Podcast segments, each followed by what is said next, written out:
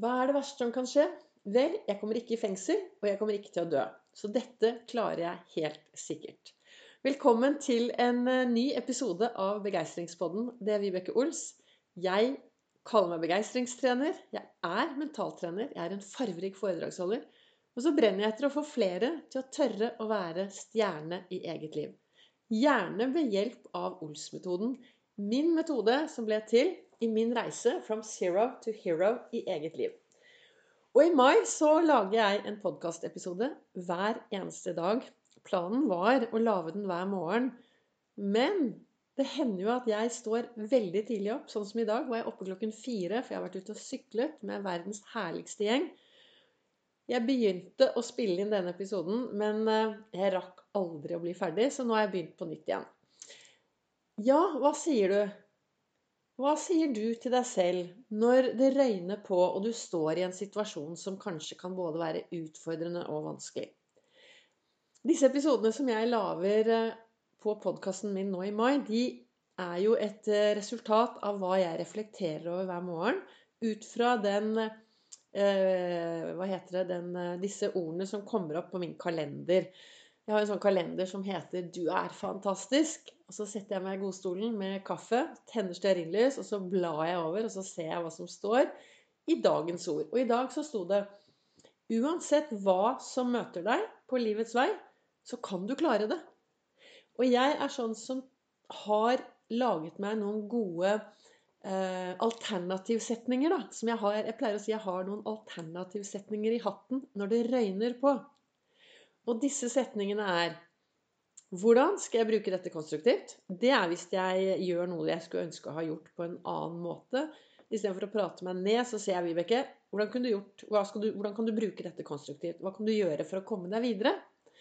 Men jeg da står i en sånn situasjon som er litt sånn utfordrende eller vanskelig, og føler at jeg møter veggen, så sier jeg OK, hva er det verste som kan skje? Vel, jeg kommer ikke til å dø. Jeg kommer ikke i fengsel. Så da skal jeg garantert klare dette også. Så dette er litt med min, den derre indre dialogen min, da. Å ha fokus på å ha en god indre dialog. Det er en del av Ols-metoden. Det å ha en god indre dialog. Snakke pent til seg selv. Og i dag har jeg da vært ute og syklet med noe som heter Oslo Down Patrol. Vi møtes nederst i Ekebergåsen. Dildonissen. var Han røde nissen, hvis du har vært i Oslo. Og så sykler vi derfra klokken 05.40. Det er to forskjellige grupper. Det er én gruppe som er veldig rask, og så har vi gruppe nummer to som begynner 15 sekunder etter. Og vi har en snittid på sånn 25-24-25 km i timen. Og så sykler vi ut i Svartskog, rundt og tilbake, og så har vi frokost på noe som heter Velosjef restaurant, som er en helt fantastisk god restaurant. Som har både frokost, men de har en helt vanvittig bra middager der, altså. Så den anbefaler jeg. Men på disse turene Første gangen jeg syklet, så var jeg jo helt fersk. Men da sa jo jeg til meg at dette har jeg ikke gjort før. Så dette klarer jeg helt sikkert. Jeg kommer ikke til å dø, jeg kommer ikke i fengsel, men jeg klarer det. Samtidig så er det jo viktig å være realistisk da, i det man skal ut og prøve seg på. Og sette noen realistiske mål, noen smarte mål. Som, og et smart mål, det betyr at det er eh, S-en står for at det er spesifikt, at det er målbart. A-en for at det er attraktivt tidsbestemt, og R-en for eh, realistisk. Så det å sette seg gode mål er jo veldig, veldig viktig. Og foran meg her borte så står det en stor rockering. Og den rockeringen den minner meg på å tørre å gå litt ut av komfortsonen hver eneste dag. For det er sånn som jeg ser det, da. Sånn, sånn, som jeg opplever det. Jeg pleier ofte å si på foredrag og Ja, jeg pleier å si at i Norge så bor det over fem millioner mennesker. Det betyr at vi har fem millioner forskjellige sannheter, fem millioner forskjellige historier, fem millioner forskjellige unike personer som tror og tenker på forskjellige ting. Og det jeg snakker om, det er jo det jeg bruker i min hverdag. Dette er hva jeg bruker hver eneste dag i min hverdag. Og jeg tenker i hvert fall at det er på utsiden av det trygge, komfortsonen at det magiske skjer. Vi mennesker er litt som Ludvig og, og Hva heter han? Ludvig og han andre Solan i eh, Flåklypa. Ludvig trenger å han trenger å lade batteriene sine veldig ofte. Han, blir, han får høydeskrekk han når han tar på seg ullsokker.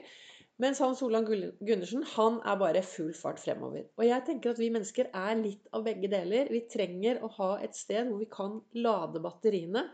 Hvor vi kan føle oss trygge for å kunne gå ut av komfortsonen og bare gønne på og gjøre litt av det som vi vanligvis ikke gjør.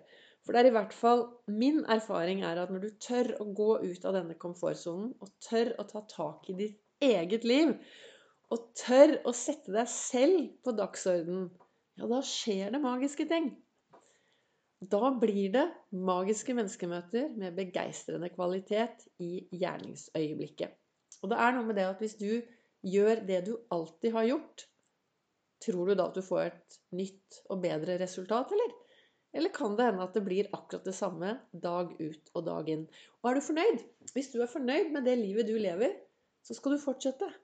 Men er du en som sitter og surmurer litt og klager litt og er misfornøyd med deg selv og kanskje misfornøyd med noen rundt deg, da er det kun du som kan ta, ta tak i alt dette. Og jeg anbefaler jo da folk å høre på meg og bruke Ols-metoden. Bli flinkere til å finne de gode tankene. Ha en god indre dialog. Snakke pent til seg selv. Være til stede her og nå. Gripe øyeblikkene. Gjøre en forskjell for andre mennesker. Være en forskjell. Tenke at du står faktisk Du står på din scene. Du står på din scene og er en stjerne. Så er spørsmålet hva slags stjerne er du? Er du en god rollemodell for de som du møter på din vei? Er du et menneske folk kommer til å huske? Er du et menneske som gjør en forskjell? Eller bare tusler du gjennom livet og tar én dag av gangen, og så plutselig så sitter du på, på gamlehjemmet i en stor gyngestol og ser tilbake på livet, og så sier du 'Åh, jeg skulle ha gjort. Jeg burde ha gjort. Uff, hvorfor gjorde jeg ikke?'